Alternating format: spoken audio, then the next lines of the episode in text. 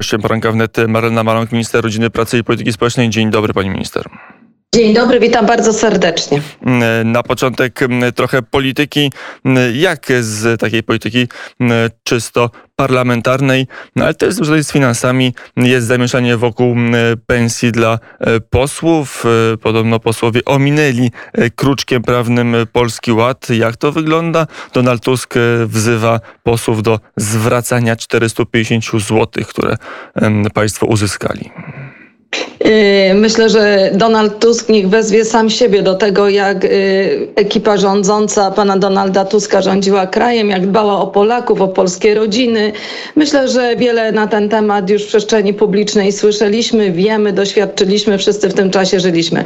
Jeżeli chodzi teraz o pensje parlamentarzystów, panie redaktorze, pensje parlamentarzystów zostały wypłacone, wyrównania, które parlamentarzyści otrzymali, y, to jest wyrównanie do rozporządzenia czyli zgodnie z rozporządzeniem ministra finansów, które było wydane 7 stycznia 2022 roku, takie wynagrodzenia zostały parlamentarzystom wypłacone, ale to trzeba uporządkować, tak? Bo w przestrzeni publicznej wczoraj e, e, pojawiła się informacja, że parlamentarzyści coś zmienili w przepisach prawa, coś przeinterpretowali i dostali więcej pieniędzy. No nic bardziej mylnego. Jest to przykre, że taka informacja się pojawia, gdyż przede wszystkim wynagrodzenie parlamentarzystów zostało naliczone zgodnie z ustawą, e, a dopiero drugim krokiem zostały naliczone podatki zgodnie z rozporządzeniem y, wydanym, tak jak powiedziałam, przez ministra finansów i stąd te wyrównania.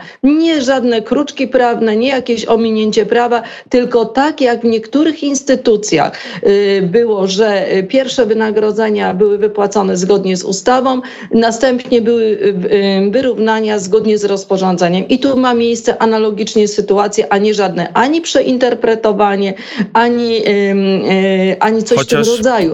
Ja tutaj akurat kolejny... nie pobieram wynagrodzenia parlamentarnego, więc e, jakby mnie to bezpośrednio nie dotyczy, natomiast tak wygląda prawda i warto to powiedzieć, warto to pokazać, tak jak każdy, e, każdy pracownik, parlamentarzyści dostali wyrównanie zaliczki podatku, pobranego podatku dochodowego. Chociaż w Sejmie pani minister jako posłanka zasiada, posłanka oczywiście Prawa i Sprawiedliwości. Pani minister to jeszcze jeden element taki czysto polityczny, no bo to jest kolejna kontrowersja dookoła Polskiego Ładu, taka można powiedzieć wisienka na torcie e, złej komunikacji albo błędnych założeń całej strategii zmiany podatkowej. E, mówimy o, o rozporządzeniu, tak. wypłacie tak. parlamentarzystom. Panie redaktorze, powiem tak, pan premier już chyba kilkakrotnie przepraszał, wielokrotnie w wypowiedziach swoich wypowiadamy się jako członkowie rządu, że rzeczywiście przy tak dużej reformie nie powinny e, takie, e, takie potknięcia się e, zdarzyć, ale się zdarzyły, więc trzeba to naprawić. Tą odpowiedzialność rząd bierze na siebie, a więc ta sytuacja w ten sposób jest zmieniana i myślę, że Drążenie tego tematu, y, rozporządzenie ministra finansów y, porządkuje y, pobieranie zaliczki podatku dochodowego od wynagrodzeń, więc ten temat w ten sposób został uporządkowany i przede wszystkim powinno w miesiącu lutym te wynagrodzenia powinny pracownikom być już prawidłowo naliczone. Jednak trzeba zwrócić jeszcze na jedną rzecz uwagę, że w związku z tym, że to rozporządzenie przez ministra finansów zostało wydane, a każda instytucja instytucja, każdy pracodawca, naliczając wynagrodzenia swoim pracownikom, e, dzisiaj jest obsługiwany przez konkretne programy finansowo-księgowe, które służą do naliczania tych wynagrodzeń. No i tutaj na pewno pojawił się pewien problem. E, dziękujemy przede wszystkim, ja bardzo dziękuję firmom IT, że tak szybko e, postarały się przygotować odpowiednie nakładki na te programy, ale nie wszystkie firmy zdążyły to zrobić a najróżniejsze firmy obsługują y, pracodawców w Polsce. To nie jest scentralizowane, każdy pracodawca wybiera firmę IT odłożyć. i dlatego też mogły wyjść te opóźnienia w naliczaniu właśnie tych zaliczek zgodnie z ustawą, a potem rozporządzeniem, więc mm, tutaj z tego też na pewno To jest do Polskiego Ładu w wymiarze wynika. podatkowym, bo to przecież nie kompetencja bezpośrednio pani minister. Jedno pytanie. Dzisiaj rano Jarosław Gowin podkreśla, że w jego opinii trzeba było zostać tylko przy poniesieniu kwoty wolnej i pierwszego progu podatkowego, a całą resztę trzeba uchylić. Tylko wtedy Polski Ład będzie działał. To zdanie do niedawna pani kolegi z rządu i to w randze wicepremiera Jarosława Gowina. Tak, pan, pan y, premier Jarosław Gowin myślę, że też wielokrotnie zmieniał zdanie co do y, polityki Polskiego Ładu. Myślę, że pan premier uczestniczył w tworzeniu y, bynajmniej kierunkowych rozwiązań, które są w Polskim Ładzie zawarte, ale ja przypomnę, że Polski Ład to nie tylko zmiana polityki podatkowej, to też inne programy i dzisiaj o nich jakby zapominamy, ale to należy przede wszystkim przypominać, bo to potężne wsparcie do samorządów na inwestycje, to miliardy, które właśnie z Polskiego Ładu już zostały przekazane, kolejny program, y, samorządowcy składają wnioski na kolejne inwestycje, ale to też polityka prorodzinna, bo to przecież nasz rodzinny kapitał opiekuńczy, Polski Ład zakłada to rozwiązanie i to narzędzie świetnie zadziałało. Y, rodzice składają wnioski. Wniosków mamy złożonych ponad 430 tysięcy na 430 tysięcy dzieci, a więc pokazujemy, że właśnie automatyzacja, cyfryzacja, usprawnianie pokazuje, że y, państwo Chociaż działa sprawnie. Przy rodzinnym opiekuńczym już są kłopoty. Samorządowcy mówią, że nie zdążą, że mają za mało pieniędzy, aby obsłużyć wnioski, że y, to za trudne dla samorządu. Panie redaktorze, ale my nawet tutaj nie prosimy samorządowców o obsługę. Właśnie chcemy automatyzować procesy. To jest wyzwanie. Tego nauczyła nas pandemia.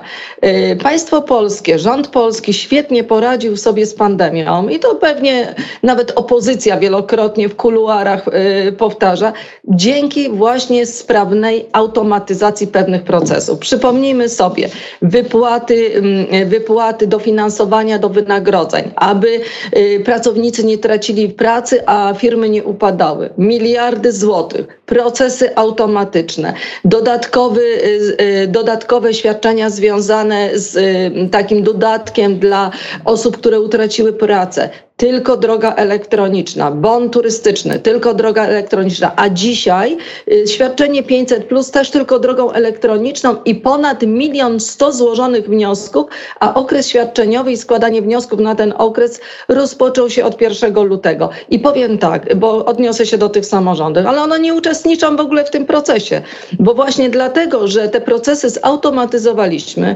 świadczenie Rodzina 500 plus, czyli nasz sztandarowy program, został przeniesiony przeniesiony do obsługi, do Zakładu Ubezpieczeń Społecznych, to są w skali 10 lat miliardy oszczędności i te miliardy nie idą na inne zadania, tylko na politykę prorodzinną. To jeszcze jeden element, gdzie samorządy e, są zaangażowane, czyli w wsparcie w ramach tarczy antyinflacyjnej.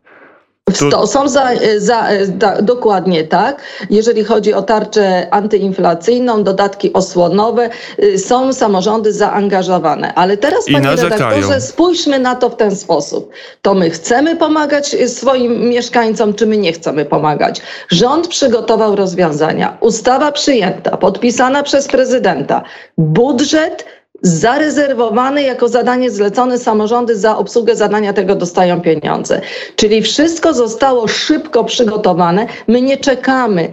Chcemy minimalizować skutki wysokiej inflacji. A więc działajmy wespół w zespół, rząd, samorząd, jako dla dobra wspólnego, dla, dla mieszkańców podejmujmy działania i przede wszystkim skoro odciążyliśmy samorząd z obsługi programu Rodzina 500, to w tym momencie samorząd ma na pewno y, większe moce przerobowe, żeby obsłużyć zadanie zlecone, na które przekazywane są przez Ministerstwo Klimatu środki, na to, aby dla obywateli były jak najszybciej te dodatki wypłacone. Więc tutaj musimy właśnie pokazać Polakom, czy samorządy chcą działać sprawnie, czy nie. Ale większość samorządów to zadanie wykonuje, bo jest odpowiedzialna, chce podejmować te zadania dla dobra drugiego człowieka. A kiedy to wsparcie osłonowe w ramach tarczy antyinflacyjnej, tej pierwszej jeszcze trafi do e, Polaków, bo to prawie 7 milionów gospodarstw domowych będzie mogło się o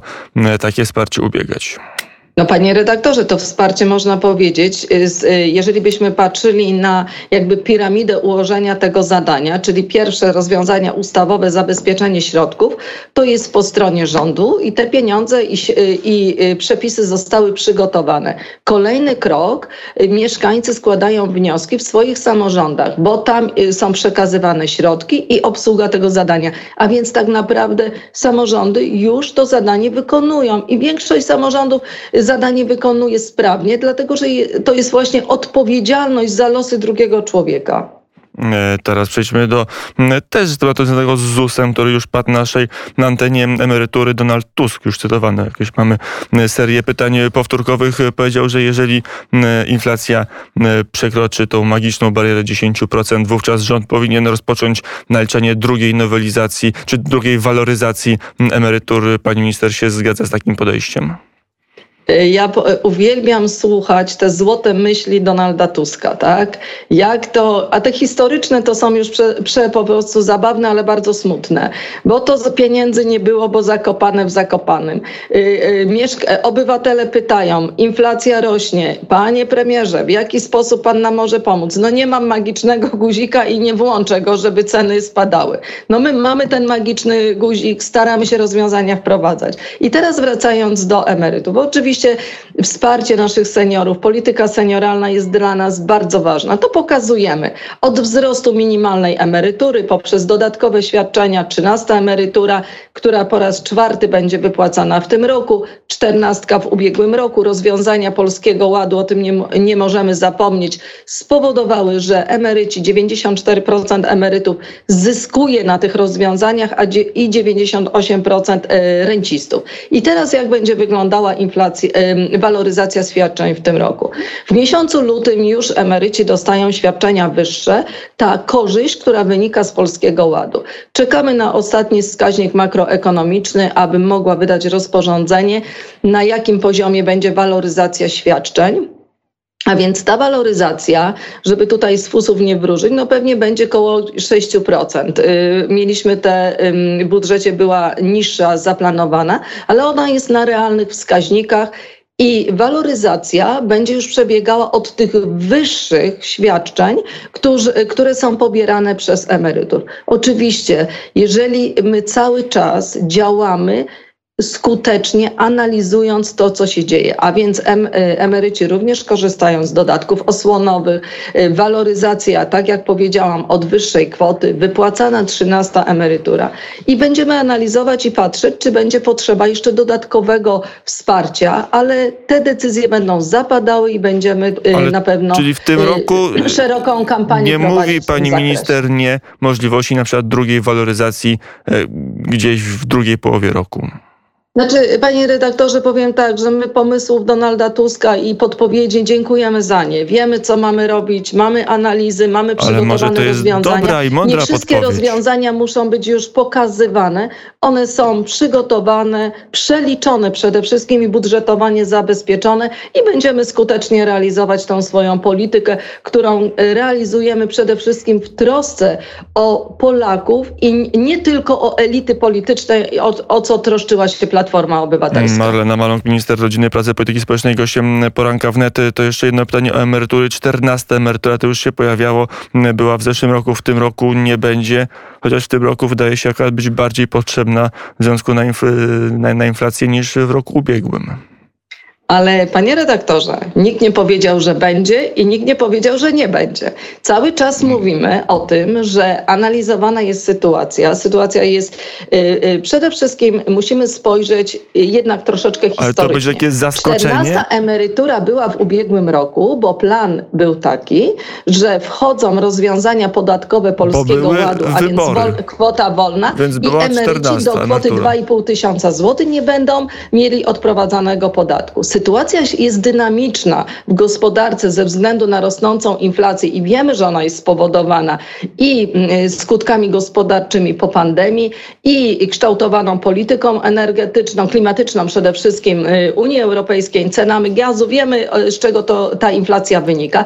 Wprowadzamy rozwiązania osłonowe dla Polaków I jeżeli będzie takowa potrzeba, wprowadzimy dodatkowe rozwiązania dla emerytów, ale nie mówimy dzisiaj, czy będzie, czy nie będzie. I dlatego warto powiedzieć, że takie rozwiązanie może się pojawić, ale my, to nie są obiecanki, więc nie chcemy dzisiaj o tym opowiadać. Mamy przygotowane różnorakie rozwiązania dla seniorów, bo dla nas jest przede wszystkim ważne wsparcie drugiego człowieka. No i na koniec o tym wsparciu drugiego człowieka mm, alarmują różne fundacje, organizacje, które pomagają osobom najuboższym, że tych jest coraz więcej. Bańki żywności, fundacje, które zajmują się taką najprostszą pomocą, jak rozdawanie posiłków, mówią, że kolejki są coraz dłuższe, że pojawiają się ludzie, którzy nie jedli kilka dni, że ten kryzys inflacyjny zaczyna mieć już bardzo realny i taki tragiczny niekiedy wymiar, jak to obserwuje Ministerstwo Polityki Społecznej, jaka jest skala, na ile ten kryzys inflacyjny wprowadził tych najbiedniejszych Polaków e, w bardzo trudną sytuację. Y, cały czas jest przede wszystkim e, wsparcie, które poprzez, e, poprzez środki właśnie z Banku Żywności trafiają do organizacji pozarządowych. Y, są y, przede wszystkim to wsparcie jest bardzo szerokie. W skali roku to, to, to są wielkie miliony, które na ten cel są przeznaczane, ale przede wszystkim spójrzmy na rozwiązania, które wprowadzamy też dodatkowe poza, poza tym działaniem. To przecież funkcjonowanie solidarnościowego korpusu wsparcia, który jest dedykowany dla y, samorządów na zabezpieczenie, na troskę o, o mieszkańców. To też konwój y, seniorów, który wyruszał właśnie z organizacjami pozarządowymi. Agencja Rezerw Strategicznych przygotowała y, można powiedzieć, tony żywności, które ruszyły w Polskę i przede wszystkim Myślę, że Polacy o tym wiedzą, ale nie tylko to są słowa, tylko są konkretne czyny. Nasze działania są y, długofalowe i systematyczne i nikt, który y, nikt, y, żadna osoba, która potrzebuje wsparcia, bez tego wsparcia nie zostanie. Dlatego Solidarnościowy Korpus Wsparcia, działająca infolinia, przypomnę, 22 505 11 11, gdzie można, mogą się seniorzy zwrócić o pomoc i ta pomoc jest udzielana. Więc przede wszystkim zostawiamy nigdy osób potrzebujących bez wsparcia. Skala jest większa, pani minister, w ostatnich miesiącach? Znaczy, y, tak naprawdę tej skali większej w ostatnich miesiącach nie obserwujemy. To myślę, że są y, różne wypowiedzi, które pojawiają się z różnorakich źródeł, jak w każdym temacie. Nie obserwujemy większej potrzeby wsparcia. Hmm, powiedziała Marlena Malonk, minister rodziny, pracy i polityki społecznej. Dziękuję bardzo za rozmowę.